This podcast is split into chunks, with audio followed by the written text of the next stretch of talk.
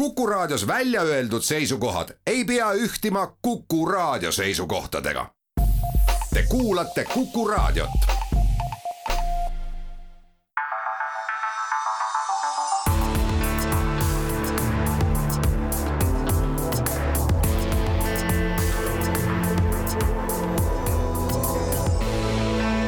olukorrast ajakirjanduses esmaspäev, seitsmes november kaks tuhat kakskümmend kaks, Kuku raadios on istet võtnud Rein Lang, Väino Koorberg ja me räägime möödunud nädalast ajakirjanduses ja eesseisvast nädalast ajakirjanduses. kui vaadata ajaloolisse kalendrisse, siis tuhat kuussada kuuskümmend viis nägi ilmavalgust vanim seniajani ilmuv ajakiri London Gazette, tuhat üheksasada viiskümmend kolm nägi ilmavalgust Maire Aunaste,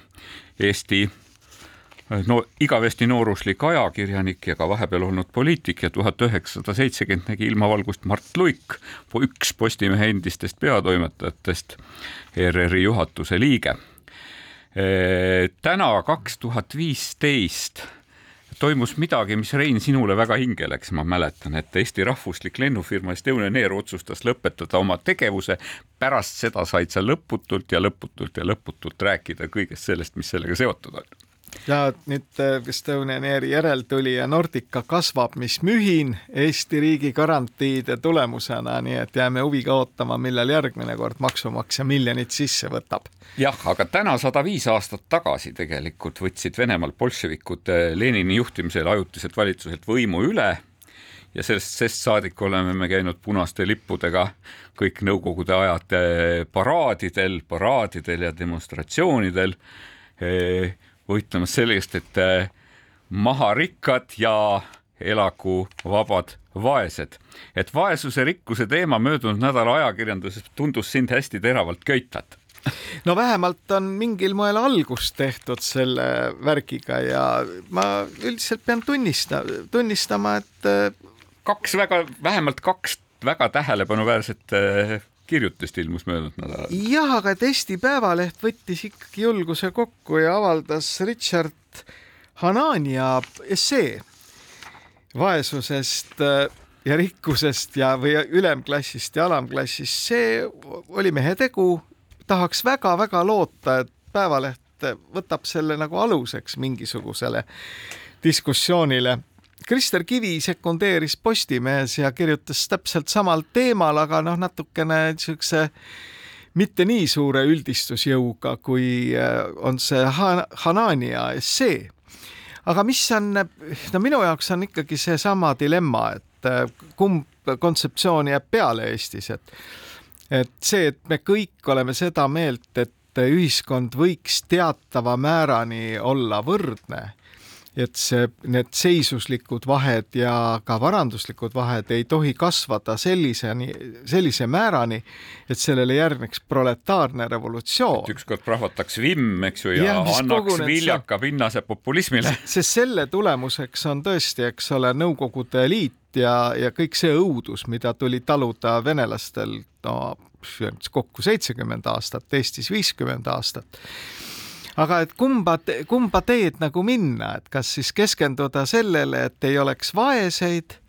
või keskenduda sellele, et ei oleks rikkaid. ja iseenesest see keskendumine sellele, et ei oleks rikkaid, on oluliselt lihtsam.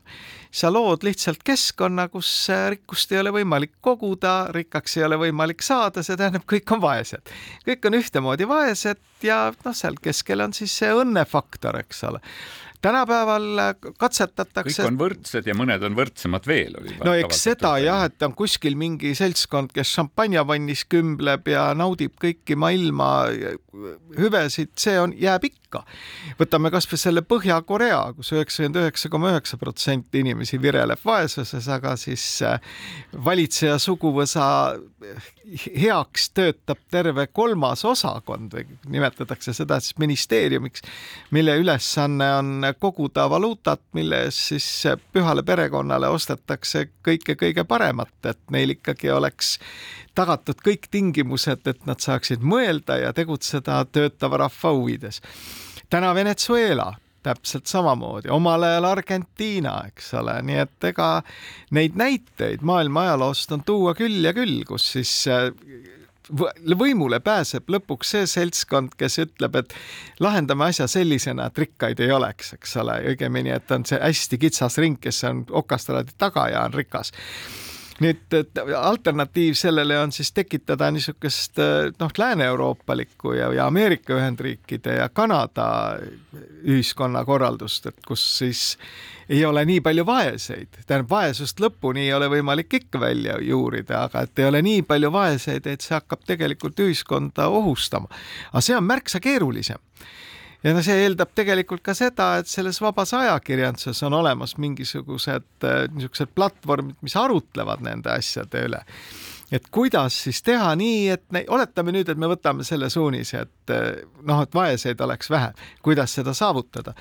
et kas näiteks äh, nende omaaegsete kolhoosikeskuste kahe- ja kolmekorruseliste majade, mille korteri turuväärtus on ümmargune null,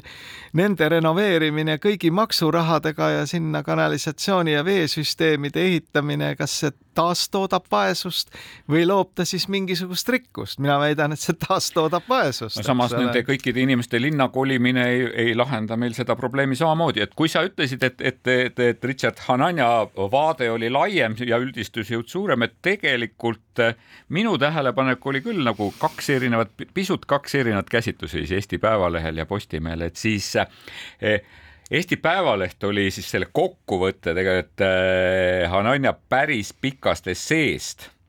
niisugune kuuepunktilise, kuuepunktilise definitsiooni, et see oli pealkirjastatud kuus sammu, mis viisid Trumpide ja EKRE-de tõusuni. ma muidugi ei ole eriti kindel, et, et see EKRE-dest nii palju juttu oli selle, selle loo juures, et see võib-olla oli siis ikkagi Eesti Päevalehe toimetaja tõlgendus. aga aga minu meelest Krister Kivi loost tuli välja, et, et me ei saa seda sotsiaalset vimma või vaesusest tulenevat vimma üksinda EKRE-de peale üle kanda, et, et sellel on ka nagu laiem tähendus ja et see ka ei kanaliseeru üksnes EKRE-sse et vähemalt see oli see, mis, mida mina sealt välja lugesin ja mis oli mõttena väga huvitav. ei no absoluutselt, et kui me räägime võib-olla meediast nüüd laiemalt, mitte nüüd sellest ajakirjanduslikust osast, siis me ju näeme, et selles heaoluühiskonnas on toodetud kümneid ja kümneid telesaateid ja ka trükitakse ajakirju mis surmtõsise näoga käsitlevad teemasid nagu Rannamaja või siis kuidas keegi on ehitanud endale kempsu kus on kullast peldikupott, eks ole, ja siis kõik arutlevad selle peldikupoti ümber. millisest Ukraina endisest presidendist sa parajasti räägid? või jah, täpselt, et kuidasmoodi siis mingid eliidi eh, esindajad on ehitanud endale maja, kus on garderoob on viissada ruutmeetrit mida see teeb, see tegelikult ju äh, tekitab paratamatult sellist klassiviha ja solvumist ja mida iganes, nii et äh, see ajakirjanduslik vastutuse küsimus minu meelest on väga terav. no aga, me, aga, siit, aga ütleme niimoodi, möödunud nädalal räägiti ka sellest, kuidas kõrged riigiametnikud äh, tähistasid oma ma ei tea, kokkutulemist, eks ju, e-, selleks ekstra tellitud etendusega ja, ja peeneid pippstükke nautides näiteks, et kas no,, kas ka see tekitas seda klassiviha nüüd, eks ju või...? see nüüd, see etenduse tellimine, vaat see on nüüd, mina liigitaksin selle natukene sellesse rubriiki, mille nimi on sotsiaalporno, et kui millestki suurt kirjutada ei ole, siis hakkan toodan mingi materjali, mille eesmärk on kujundada negatiivset suhtumist ametnikkonna vastu. ametnikkond on muide alati ebapopulaarne, sest ta langetab ju mingist otsuseid, mis väga paljudele inimestele ei meeldi ja nüüd, kui veel tuleb välja, et nad on kuskil siis omakeskis tantsu löönud ja midagi head-paremat söönud ja etendust vaadanud, siis selle viha tekitamine, aga loe, ka huvi tekitamine minu artikli suhtes, et see on väga tähelepanuväärne nüüd see, et hakatakse rääkima, et oh, Matmilst sõprad, et vaatasid teatrietendust, kujutage ette meie arvel, eks ole, et see on minu meelest nagu naeruväärne. küll aga oleks tahtnud, et selles loos oleks pikemalt räägitud, kes oli catering'i pakkuja ja mis hinnaga. see oleks olnud jällegi minu arvates nagu õige koht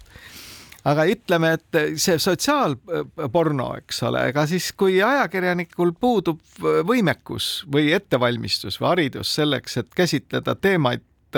vaadates suurt pilti, siis ta võib ju välja noppida mingisuguse ühe pisipuuduse, ükskõik sellest suurest pasamerest, eks ole,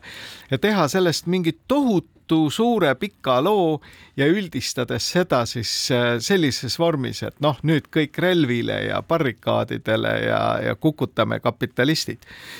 Nii et ega siis elame-näeme, ega see kõik see parempoolne niisugune äh, maailm mis kõige rohkem läheb peale täna huvitaval kombel just töölisklassile, eks ole, ehk siis sellele kaasaegsele proletariaadile, mida on küll raske nagu võrrelda selle proletariaadiga, kes võttis omal ajal Peterburis võimu. Aga et eh, kuidas siis ikkagi need, need suundumused arenevad, et kui palju tegelikult selline eh, populistlik retoorika upub nende inimeste teadvusesse ja nad lähevadki valimiskasti juurde ja ja teevad oma otsuse. seda me muide näeme nüüd äh, lähema kahekümne nelja tunni jooksul. Ameerikas on ikkagi ju väga olulised valimised. siinkohal meie läheme väikesele hingetõmbamispausile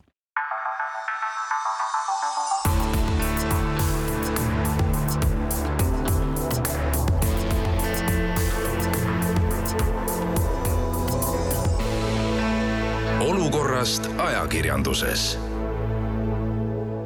Rein Lang ja Väino Koorberg on endiselt Kuku raadio stuudios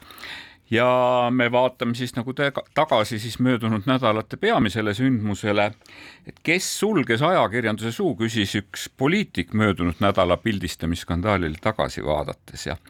ja, ja kui me vaatasime kõiki materjale, siis jäi mulje, et nii meie kohtumajad kui ka meie toimetused lekivad nagu Vene sõjalaev. nii et otsustame meiegi, et me toome teieni värskeid üleskirjutusi sellest tühistamisskandaalist, mis eelmisel nädalal või eelmisel nädalal viis siis viis siis ühe raadiosaate eemaldamiseni Kuku raadiost. täna hommikupoolikul viis siis Marko Mihkelsoni eemaldamiseni Riigikogu väliskomisjoni esimehe kohalt. et mis juhtus tegelikult sellel möödunud nädalal ära keelatud raadiosaates tegelikult et selle kohta on toimetustes liikvel päris mitmeid huvitavaid materjale ja üleskirjutusi, et osa nendest on jõudnud eh, anonüümsel moel me ei saa küll nimetada, milliste kohtumiste läbi meie kasutusse, et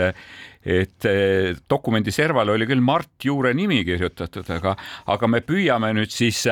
uute, ma ei tea, juhtnööride valguses kuidagi eh, võimalikult soovi, soovimata kaht-, kahjustamata üritusega seotud laste eraelu ja kehalist puutumatust teha väikese kokkuvõtte sellest, et mis siis selles raadiostuudios siinsamas nendel toolidel see toimus ma, mul on küll seda väga raske teha ja raske südamega pean ma seda tegelikult raadiokuulajateni tooma, et, et viimasel ajal on palju spekuleeritud selle üle, et mis ühes nüüdseks eetrist eemaldatud äh, saates on toimunud, kirjutatakse dokumendis. kõiki detaile avaldada loomulikult ei saa, aga vaadates eksikombel pilve laaditud fotosid, võib öelda, et saatejuhid olid asetanud oma piiks stuudiotoolidele. ühel saatejuhil olid teadaolevalt jalas aluspüksid ja viigipüksid, teisel saatejuhil olid jalas ainult viigipüksid. Kui pükse poleks jala, jalas olnud, oleks saatejuhtide piiks kindlasti kaadris vilksatanud, mis paar korda olekski ääre pealt juhtunud. ja veel intrigeerivam oli see, mida need saatejuhid tegid oraalselt, sest nende suu lähedal oli ee, eh, üks ese, mida seksualiseerimata olekus nimetatakse mikrofonis ja nad tegid seda mikrofoni meenutava piik sees suuga teatavaid liigutusi, mille tähenduses ei ole mingit vähimatki kahtlust. et äh, meie käsutuses neid materjale, me kavatseme need veel täiendavalt uurida ja otsida siia juurde siis tegelikult tõendusmaterjale ja uusi allikaid, et seda asja lõpuni analüüseerida, aga aga noh, tulles nüüd nagu normaalsuse hetkeni tagasi, et tegelikult see asi siis nagu ei lõppenud meil ära, et tegelikult me saime aru, et, et juba eile õhtul ilmus Postimehest Postimehe peatoimetaja kommentaar selle Marko Mihkelsoni pilgisandaali kohta, et tegelikult Priit oli vist olnud, Priit Hõbemägi olnud, oli päris tükk aega nagu vait olnud selle küsimuse, terve nädal aega mulle tundus. aga, aga nüüd me saime siis teada, et tegelikult äh, laste hooldusõiguse vaidlust selle asja juures ei olnud piltidele oli selge eetilise hukkamõistu andnud nii politseiuurija kui prokurör ja Postimehe peatoimetaja oli väga teravalt püstitanud küsimuse, et, et miks ei lähe ohulambid vilkuma riiklikele ja NATO saladustele ligipääsu andmates ametites, et kui nad peavad tegemist tegema säärase mõjuvõimsa poliitikuga, Riigikogu liikmena, keda aastaid on saatnud, ma tsiteerin, tume vari ja kuulujutud tema eraelust. jah, me eelmises saates ma üldse olemata nüüd küüniline. eelmises saates ma tõstsin kaks asja lauale. esimene on see, et minule on jäänud äh, nagu märkamata ja sinule ka, et Eestisse on tekkinud äh, kombluspolitsei sellest isegi paari sõnaga rääkisime möödunud. teiseks on äh, arusaamatu ikkagi see, kuidas Eestisse on tekkinud sellised poliitilised figuurid, mis suudavad ümber näpu keerata nii kohtu, prokuratuuri, politsei, kõik õiguskaitseorganid ja ajada oma tahtmist ja tegelikult haaras mind, kui ma lugesin Priit Tõbemägi tänast kirjutust Postimehes, haaras ikka tõeline õudus. ja miks? See on just see, et mind on õpetatud äh, nõukogude ajal ja ma olen võtnud omaks nagu peaks olema omaks võtnud äh, üheksakümmend üheksa koma üheksa protsenti nendest, kes on läbinud Tartu Ülikoolis õigusteaduse äh, täiskursuse ja omandanud seal kas kraadi või siis saanud diplomi. et politsei ja prokuratuur saavad anda inimeste käitumisele õiguslikke hinnanguid. nüüd äh, see nii-öelda eetiliste ja kõlblushinnangute andmine on omane natukene teistsugustele ühiskondadele. me teame seda, et islamiriikides on kombluspolitsei, mis sõidab mööda linna ja teeb märkusi näiteks naisterahvastele, kellel on nägu katmata või on pearätt valesti sõlmitud. muide, ma olin sel päeval R-Riadis, kui sellel kombluspolitseil keelati inimesi tülitada tänavatel ja see põhjustas tegelikult juubeldamise. no napis võrk leidis, venelanna võib ka Groznõs Tšetšeenias Groznõi kauplusesse sisenedes saada nagu füüsilise hukkamõistu osaliseks. ja aga, aga me ju teame seda, et selline mõtteviis ei ole kuskile kadunud, eks ole, et kui pannakse toime näiteks vargus siis äh, vaatab politsei süüdistavalt ohvri poole ja ütleb, et aga mis sa jätsid siis ukse lahti. või kui kelleltki virutatakse rahakott ära, mille ta on laua peale pannud, siis öeldakse, et ise olid loll, et panid rahakoti laua peale, eks ole. vägistamise ohvrile öeldakse, et aga miks sa panid lühikese seeliku selga. et sa ju ise kutsusid selle tegelikult välja et nad, see, see on nagu täiesti teine maailm, kus me räägime sellest, et äh, politsei võtab kätte ja ütleb, et äh, jah, mingit õigusrikkumist meil ei ole. aga see tegevus on ebaeetiline, ehk siis kui näiteks Väino Koorberg sõidab autoga politsei peab kinni, hakkab, kirjutab protokolli, ütleb niimoodi, et kiirust sa küll ei ületanud, aga sa muidu oled üks igavene tropp, eks ole, nägu ei meeldi. no ma olen ühe korra sellises olukorras olnud küll paarkümmend aastat tagasi, aga. ja, ja sinnapoole ütleme, me hakkame nagu vaikselt liikuma, mis on nagu kõige kohutavam kogu selle asja juures on see, et eh, Postimehe peatoimetaja, Eesti kõige suurema ajalehe peatoimetaja, tegelikult ilmselt sisemuses on nagu pihta saanud, et miskit võib-olla ajakirjanduse seisukohast ei läinud nagu kõige paremini. aga keegi teine tuleb tanki visata ja viskame siis nüüd tanki Eesti õiguskaitseorganid, ütleme, et aga see on nende pärusmaa. Nemad ütlesid, et need pildid, millest antud juhul on jutt, on ebaeetilised ja nii on tõepoolest ilmselt kirja pandud, sellele saab siis tugineda. mis meie väike ajakirjandus siin, eks ole, näete, õiguskaitseorganid Eestis on öelnud, et pildid on ebaeetilised. muidugi see kõik see loogika ei käi minu meelest väga kokku, sest et natuke aega hiljem öeldakse, et Eesti õiguskaitseorganid on kõik kinni mätsinud, eks ole, et on. no ma tahtsingi nagu selle juurde tulla, et, et, et, et kuna meie saate nimi on olukorrast ajakirjandusest, siis me peaksime tegelikult võib-olla oma fookuse seadma rohkem ajakirjanduse peale, et, et selles samas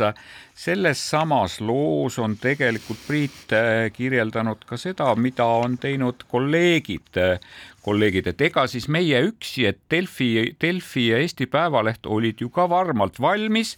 ja et neil oli, et vähem kui tund aega pärast Postimeest pani, tsiteerin, väga põhjaliku loo üles Delfi portaal ja iga ajakirjanik saab aru, et väga paljude intervjuudega mahukat artiklit ei kirjutatud poole tunni jooksul. see võis võtta aega mitu kood, kuid mitu kuud, kuid avalikkuseni seni millegipärast ei jõudnud. et siin on, siin on siis nagu tegelikult kas ridade vahel või otseselt kirjas see, et, et, et keegi takistas väga selgelt Delfil selle loo avaldamist, et ma ei tea, minu esimene mulje küll, kui ma vaatasin seda lugu, mis Delfis ilmus tund aega hiljem ja mida kirjeldatakse kui väga põhjalikku pikkade intervjuudega mahukat artiklit, minu esimene mulje, võib-olla see oli siis nagu äh, pisut ütleme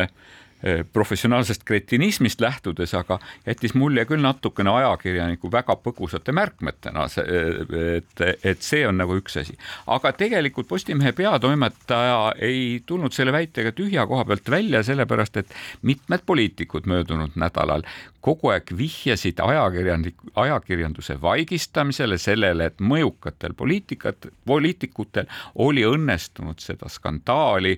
nagu edukalt ajakirjandusesse kinni toppida, kinni mätsida. Erki, Erki Savisaar, tegelikult Riigikogu Keskerakonna fraktsiooni aseesimees eh, rääkis ajakirjanduses Mihkelsoni ek, eksmatrikuleerimisest pealkiri oli, et Mihkelsoni eksmatrikuleerimine paljastas ringkaitse ja ja, ja ta, ta käsitles sedasama äh, teemastikku, ta rääkis, et riigi aadlile erikohtlemist äh, pakkuvast prokuratuurist, politseist, eriteenistustest ning ajakirjandusest.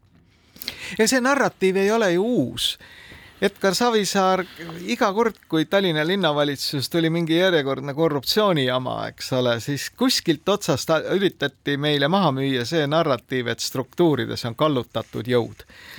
ja kõik päädis sellega, et loodi TV1, mis pidi neid kallutatusi paljastama ja hea kolleeg Toomas Lepp tootis äh, Tallinna linna raha eest veel pealegi mingisuguse imeliku seriaali,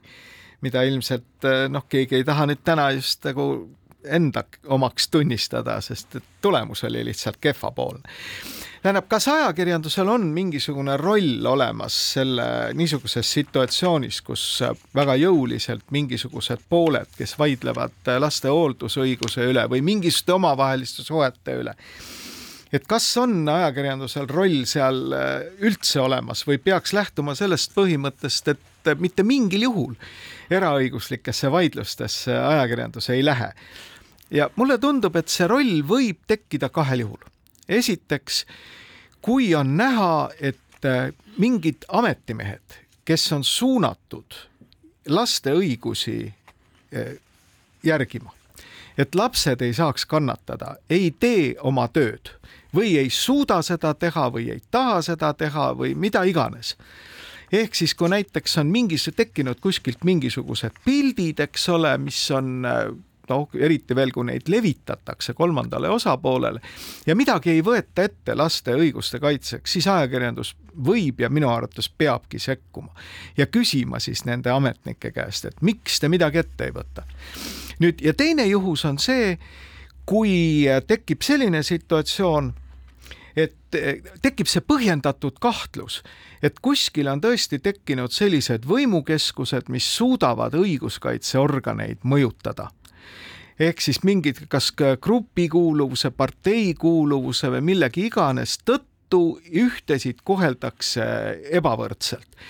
ja nüüd sellele viitab täna ka Postimehe peatoimetaja, et struktuurides on kuskil mingid kallutatud jõud. Ja samal hetkel ütleb, et näete, et aga mis meie siin, et meil on siin ju tähtis paber, eks ole, ja paberis mustvalgelt kirjas, et, et mingisugused pildid on ebaeetilised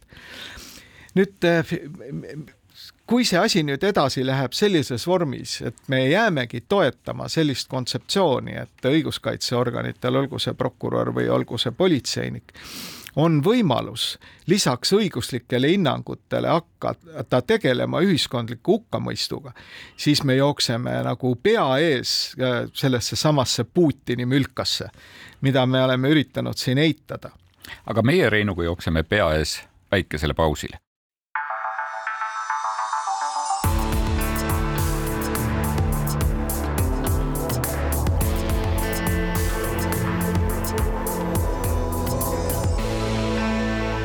Olukorrast ajakirjanduses. Rein Lang ja Väino Koorberg ja me räägime siis möödunud nädalate pildiskandaalist ja räägime edasi sellest, et kas ajakirjandus selles osas oli summutatud või mitte summutatud, kas poliitikutel ja mõjuvõimsatel isikutel oli võimalik ajakirjanduse tööd suunata, juhtida ja takistada ja, ja tegelikult seda narratiivi lisaks Postimehe peatoimetajale on levitanud mitmed poliitikud, me möödunud saate osas tsiteerisime Erki Savisaart, et tegelikult ka ka IRL-i juht Helir-Valdor Seeder on, on äh, hu, kuidagi üllatusega maininud seda, et või ütleme, tsiteerides, temale negatiivse üllatusena tuli ka see, et nii pikalt oli korporatiivne vaikimine selle teema üles, tsiteerin, see teeb mulle tõsiselt muret Eesti meedia ja ajakirjandusmaastikul. seda kõike oleks tulnud avaldada kohe, et et kas tegu oli siis äh, ajakirjanduse äh, mugavusest tuleneva vaikimisega või oli see tegelikult siis äh, mingi teatav ametialane vastutustunne eetilistest põhimõtetest lähtumine, et Halliki Harro, Eesti ajakirjanduse eetika üks spetsialist ja meediaprofessor on, on kirjutanud selle peale, et ta on jälginud seda Eesti viimaste aastate suurimat ajakirjanduse eetikaalast debatti ja ja üha rohkem on saanud ta aru saama sellest, et professionaals-, professionaalsete ajakirjanike moraalse kaalutluse meisterlikkus, mida need kirjutised peegeldavad, näitavad, miks on professionaalne ajakirjanduse eetiline kompetents üldse oluline ja teisalt, kui palju on ühiskonnal ja poliitikutel ajakirjandus, ajakirjanike kogukonnalt õppida? Ja aga toome, ma tooks siia ka natuke ühe dimensiooni veel, et ka eelmises saates me natukene seda käsitlesime, et miks ei peaks ajakirjandusjuhid ja peatoimetajad sukelduma selliste sopaloopimiste kajastamisse ja on sellepärast, et kui sa võtad pähe mõtte, et ma nüüd siis hakkan sellest kirjutama ja, ja võtan ka mingi õiguse ise anda mingisuguseid hinnanguid ühe või teise poole käitumisele teatavates eraõiguslikes vaidlustes, siis millise signaali ma sellega ühiskonnale saadan, et noh, tere tulemast kõik. Et tooge aga neid materjale, me vaatame heatahtlikult läbi, eks ole, ja muudkui aga kirjutame see lõppastmes mõjuks ajakirjandusele hukatuslikult, kui ta võtaks oma peateemaks eravaidluste kajastamise just sellest aspektist, et kui need on näiteks seotud seal abielu lahutuste, poolte selliste noh, solvumiste ja kõige muuga. see on katastroof. nii et kui antud momendil ajakirjanikud ja meediajuhid jätsid selle materjali kasutamata, siis nad käitusid lisaks ajakirjanduse põhieetikale ka väga pragmaatilistest äh, argumentidest, et mitte tõmmata, lasta ennast tõmmata sellisesse noh, pasamerre, eks ole. nüüd on ots lahti tehtud, mis järgmiseks? kas nüüd hakkab tekkima meil selline asi, et mingites eravaidlustes, kus kirjutatakse üksteise peale politseile ja prokuratuurile kaebekirju, hakkavad siis nende tuttavad politseinikud ja prokurörid pikkima nendesse kriminaalasja algatamise keeldumise määrustesse mingisuguseid isiklikke hinnanguid ja siis toimetame selle määruse kuskile ajakirjandusse, kes siis hakkab vahtu lööma ühe posits-, ühe osapoole positsiooni, tuginedes õiguskaitseorgani hinnangule, et üks või teine käitumine on olnud ebaeetiline. laulsin kodus roppu laulu näiteks. kultuuriväljaanne Sirp, eks ju, mille veergudele minu nimi vist arvatavasti kogu elu jooksul esimest korda möödunud nädalal ilmus, on peatoimetaja Kaarel Tarandi sule läbi kirjeldanud seda tulevikku selliste sõnadega, et, et ühel päeval seisis ajalehes teade, et keskaeg on tagasi ning pealinna keskväljakul hakatakse jälle korraldama kõlbluse vastu eksinute avalikke hukkamisi, toredaid meelelahutuslikke ettevõtmisi, mis pakuvad tujutõstvat vaheldust masendavale argipäevale. kujuneb ju inimelu sünnist surmani külma, nälja ja taudi koordinaat telgestikus. lihtrahvas väljaspool ühismeedia mülkaid eriti ei innustunud, küll aga kogunesid turuplatsile tema valitud esindajad, sündsuse ja moraali mõõdupuu volitatud hoidjad suurematel olid kaasas suuremad, väiksematel väiksemad kivid, millega pilduda häbiposti pandud. pärast seda, kui esimene kivi oli lendu läinud, ei küsinud enam keegi süü või süütuse kohta, sest kivide lendamine iseenesest juba oli süüd tõestav fakt minu meelest Martin Laine Eesti Ekspressist eh, suhteliselt, suhteliselt sama pildi joonistas meile Ekspressi loos fotode skandaali anatoomia ja mina, mina tahtsin Martinit kiita, et, et ta tegelikult pani selle peegli natukene lehetegijatele ja lehelugejatele vastu ja, ja, ja kirjeldas seda, kuidas, kuidas nendest pisikestest surnud loomatükikestest, mida ajakirjandus erinevate nurkade all meile, meile kujutas, et kuidas avalikkus pani puslena, kuidas ta, ta kirjutab, et kättesaadavad fragmendid olid justkui valik surnud armastuse raibetest, mida puslena üht või teistpidi kokku ladudes on tulemi, tulemuseks igal juhul rõlge monstrum ja et avalikkus haaras hangud ja tõrvikud ja alustas siis tegelikult sellist võitlust rahu nimel, et kivi jäi kivi peale. Ehk et sellist võitlust laste kaitseks, eks ju, mille tulemusena nendel lastel on väga keeruline nagu normaalselt ühiskonnas edasi elada et hakati, ta kirjeldab seda, et kuidas ühismees me,, ühismeedias nõuti verd kummalegi poolele, eks ju, nõuti avaldage need pildid, et me saaksime neid üksikasjalikult vaadata, küll me näeksime, kui kole see on, eks ju, see vist on isegi hullem kui saade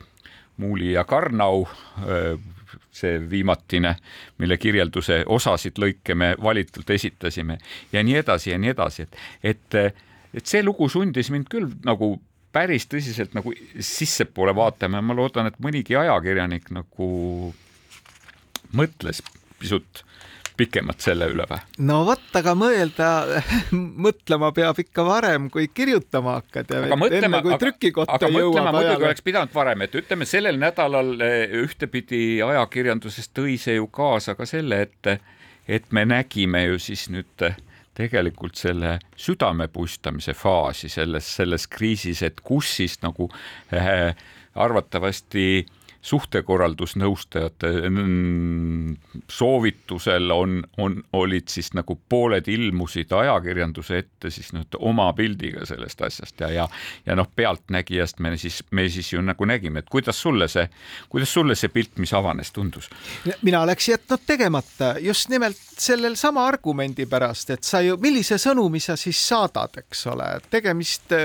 noh, tõsise vaidlusega avaliku elu tegelaste vahel, eks ole. et nüüd üks pool saab võimaluse pealtnägijas äh, omaenda seisukohtade selgitamiseks ligemale kakskümmend minutit, eks ole, tulge kõik tulge kõik. vangid nagu... ja vabad, vaesed ja rikkad et me vaatame heatahtlikult kõik läbi ja kui me leiame, et teie argumendid on pädevad, siis me anname teile võimaluse omaenda positsiooni ajakirjanduse vahendusel edastada tervele Eesti rahvale no kuskil on ometi olnud see piir, eks ole, kus see ajakirjanduslik sekkumine inimeste eraellu peab ära lõppema, eks ole, või, või kes annab loomulikult aja. keegi, keegi ei esinenud veenvana, ei esinenud veenvana ei Marko Mihkelson ega tema abikaasa. no seda enam, et tõepoolest suhtekorralduslikult oleks, oleks tõepoolest tema esimesena võinud selle asjaga lagedale tulla ükskõik millisel kujul, eks ju, ja rõhutades, aga, aga ei veennud ka see advokaat, kes ütles, et, et tema rääkis Postimehe ajakirjanikuga ainult tingimusel, et laste huvid saavad kaitstud, et, et tõepoolest, milline oleks olnud see võimalus, et need laps, laste huvid oleksid selle loo puhul olnud kaitstud, eks ju. ei saanud me tegelikult teada, kust need materjalid lekkisid, seda on pärast, eks ju, püüdnud arutada nii kohtunikud kui advokaadid kui nii edasi, nii edasi, eks ju niimoodi. Ja, ja ei saanud, ei saanud me nagu neid vastuseid, ei saanud me rahu, ei saanud nagu, ei, ei näinud me neid pilte kõige verejanulisem, no hoidku taevas, eks ju, niimoodi, et siis ma küsin, milleks. aga kordame veel ükskord seda lekkimise, lekkimise teemat et mis siis toimus, eks ole, üks osapool nüüd olles ilmselt häiritud sellest, et kinnise kohtuasja materjalid jõuavad toimetusse, läheb politseisse ja palub uurida, kuidas on võimalik, et niisugused lekked sünnivad. muide, Eesti karistusseadustikus mustvalgel kirjas, et kui tegemist on ametiisiku poolt selliste delikaatsete isikuandmete lekitamisega, on tegemist kuriteoga. politsei võtab asja menetleda, kuulab üle ajakirjaniku ja ajakirjanik, tuginedes allikakaitsele, ütleb, et mina teile küll ei ütle, kust ma need sain, täiesti õigustatult, mille peale lõpetatakse asi lihtsalt ära. no aga kohtunik kohtunik on öelnud jälle, et kohtuvõimalused uurida seda leket, eks ju, on, on, on piiratud no politsei võimalusi on küll ja küll, ega siis lõppastmes ju tänase väga palju on ju digitaalset materjali kohtus ja ega igast sellisest kasutamisest jääb ju jälg. no mine vaata, kui ei ole tõesti tähendab, tuleb välja, et ei tule kohtust lekkinud, selge. aga kas seda ikkagi niimoodi uuriti? nii et see, see pudru ja kapsad on minu arvates siin nagu täielik, aga see, kui, kui veel ükskord tulen tagasi selle asja juurde, et kui võtab politsei ja prokuratuur endale õiguse eraõiguslikes suhetes anda eetilisi hinnanguid, üks pool käitub valesti, teine pool õigesti ja need materjalid satuvad ajakirjandusse, kes hakkab seda võimendama siis on Eesti inimesed tegelikult kaitseta ja me oleme hullemas olukorras, kui me olime Nõukogude Liidus. nii et see asi väärib tegelikult nüüd palju enamat lahtirääkimist kui enne. siinkohal väike dramaatiline paus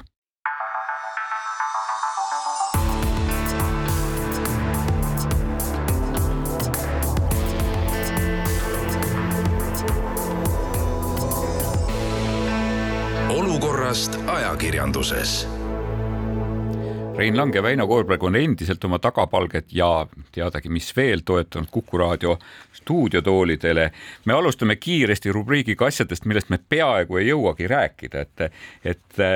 me tahtsime pikalt rääkida sellest, et absoluutselt unikaalsed konkurentsireeglid ja absoluutselt unikaalne konkurentsiolukord Eestis on kaasa toonud olukorra, et meile räägitakse muinasjutte nagu lammastele, et et meie suured telekommunikatsiooniettevõtted ütlevad, et inimesed ei vajagi kiiremat internetti, sellepärast et nendel on tekkinud vajadus aeglasema ja kallima vastu, eks ju. et see meenutab mulle seda juttu, kuidas viinatootjad ütlesid, et turundusuuringud on näidanud, et et selle odavama kategooria viina viina äh,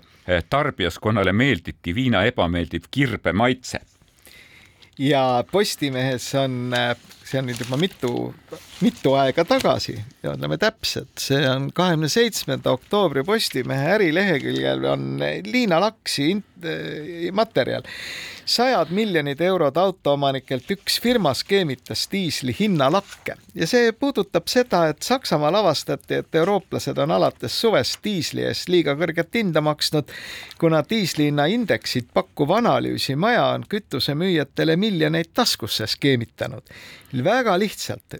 jutt on plati indeksist, mis sisuliselt ongi hinnastamise, diislikütuse hinnastamise alus ja selle tunnistas üles ka Eesti Õliühingu juht Mart Raamat. See kõlab nagu Nord Pooli aluse, hinna aluseks olev algoritm, eks ju. tere tulemast selle, uskuma seda juttu, et Eestis on nii kõva kapitalistlik konkurents, et lihtsalt sellepärast kõik hinnad meil kujunevad null koma ühe sendi täpsusega reaalajas samal sekundil. aga seest tuli ka uudis, et rekordkõrged hinnad Eesti tanklates andsid kõikidele Eesti suurimatele kütusefirmadele kahe tuhande kahekümne esimesel aastal täiesti kena kasumi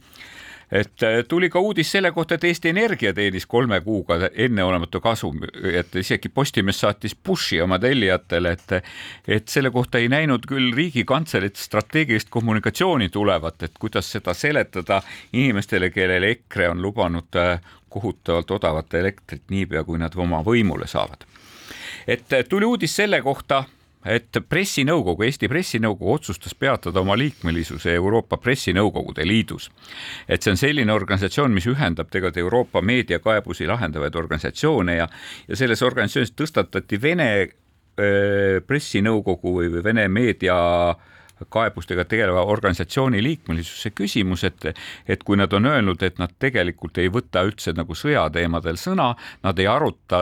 sõjateemaga seotud kaebusi ja üleüldse tegutsevad Venemaa presidendi stipendiumifondi toetusel, et siis terve hulk riike, Soome, Rootsi, Taani, Norra, Iirimaa, Armeenia, Gruusia, Moldova, Eesti nende seas püüdsid seda küsimust üles tõstatada, nad nagu väga e-, edukalt soovitati neil jalutada ukse poole ja seda nad siis ka tegid et eh, siis me saime siis tegelikult, ma vaatan, et me peaks kiiresti üle käima ka mõned nagu mõned meediamajanduse tüüpilised uudised, sest et eh, mäletad, me pidime rääkima Omniva ja Ekspress Posti ühinemisest, mida Konkurentsiamet ei lubanud teoks saada, nüüd on, kuuleme seda, et Omniva on üheksa kuuga kukkunud kasumi, kahjumisse, et üheksa või kolme kvartali üheksa kuu tulemus on seitsesada eurot miinust, küllap see tegelikult kojukandehindades ka äh, kajastub. tuli uudis selle kohta, et Circle K teatas, et esimesest novembrist lõpetas ajalehtede ajakirjade müügi tanklates, et kuna vist arvatavasti ei saanud lehepunktiga eh, lehtede nagu hulgitarnega tegeleva ettevõttega kuidagi kokkuleppele. et tegelikult me pidime rääkima Postimehe ja Ekspress Grupi majandustulemustest, et, et seda, et seda, et tegelikult kuidas kuidas sisuturundus on peale tunginud ja et kui suur on konkurents suurte meediamajade vahel, eh, väljendab see, et kui erinevate pealkirjade all eh, avaldasid erinevad meediaorganisatsioonid uudise Postimehe majandustulemustest. BNS ja Postimees avaldasid pealkirja Postimees Grupi käive kasvas põhitegevustes üksteist protsenti. ERR kirjutas samal teemal pealkirja all Postimees Grupi käive langes ja kahjum süvenes. Eesti Päevaleht kirjutas pealkirjal mitu miljonit kahjumit, Postimees Grupi tabas valus langus. et kust mina pean, vaene lehelugeja, pean siis aru saama, kus on tõde ja kus mitte ja ega nüüd see väärib ju mingil moel analüüsi, need majandusaasta tulemused nõuaksid natukene analüüsi ja siis vaadata. midagi väga rõõmustavat muidugi nendes meediamajade aruannetes esmapilgul ei ole. mis on positiivne, on kindlasti see, et digitaalsete tellimuste hulk on suurenenud ja see lisab nagu kindlust. et, ka juhul, Postimees on teatanud, et nende digitellimuste arv on suurenenud kolmkümmend protsenti, aga ei ole täpsustanud, millised need numbrid on. Ekspress Grupp grupp, kes on üheksa kuuga müügitulu kasvatanud ligi viiendiku võrra ja kelle kasum on samas siis natukene vähenenud, kuid siiski positiivse poole peal, raporteeris, et, et nendel on digitellimuste arv kasvanud kakskümmend üks protsenti ja et, et neil on nüüd sada viiskümmend üks tuhat nelisada digitellimust, see on siis kolme Balti riigi kohta kokku et saab esitada taotlusi Oivalise ajakirjanduse stipendiumile. kes on huviline, leiab üles äh, Akadeemilise Ajakirjandusseltsi sellel reedel toimuva arutelu koosoleku ajakirjanik, kas ajakirjanik, kodanik, patrioot või propagandist, kus arutatakse ajakirjanike rolli konflikti, konfliktide võimalike asjade kohta eks ju. me pidime paari sõnaga rääkima ka Twitterist, enne kui me läheme, aga me vist ei jõua, sest meil on jäänud tegelikult mõned asjad, et me pidime rääkima, et, et inimesed, inimesed sotsiaalmeedias äh, levitavad meemi, et kus Twitteri linnuke ja kapsapea on kõrvuti pandud, et kumb peab kauem vastu, et kui me mäletame, Briti eelmine peaminister pandi selle kapsaga kõrvuti ja kapsas võitis. et äh, eks me sa saame näha, mis äh, Twitteril uue omaniku all ees teha kui, juhtub, aga. kui Elon Musk jääb endale kindlaks, et Twitteri kasutamine muutub äh, tasuliseks, siis see sisuliselt tähendab ju seda, et igaüks, kes tahab seal säutsuda või säutse lugeda, peab sõlmima Twitteriga lepingu. nii et äh, ma jään väga suure huviga vaatama, mis sellest asjast saab aga meil on laul tulekul ja tänase lauluga te tervitame siis oktoobrirevolutsiooni saja viienda aastapäeva puhul kõiki rikkaid ja vaeseid, töölisi ja kolhoositari, šampanjasotsialiste, rahvuslikke mässajaid ja see loomulikult saab olla prostituudi laul filmist Viimne reliikvi ja loomulikult kõige populistlikum esineja, meie mees. kohtumiseni nädala pärast. kuule, aga hobune tõmbas jehhat. mis teha? üks mees nägi unes taevalikku õiglust, mis ühendab kõik, kes tema eest võitlevad. üks mees nägi unes taevalikku õiglust ja hakkas seda kuulutama sellest päevast peale. lõpuks on ainult kõik ainult enesemüümine turul me oleme vennad ja õed. tükkhaaval, jupphaaval, päevhaaval, tunnhaaval, üksteisel müüme oma usud ja tõed. üks mees nägi unes taevalikku õiglust, mis ühendab kõik, kes tema eest võitlevad. üks naine nägi unes taevalikku armastust ja hakkas seda kuulutama sellest päevast peale.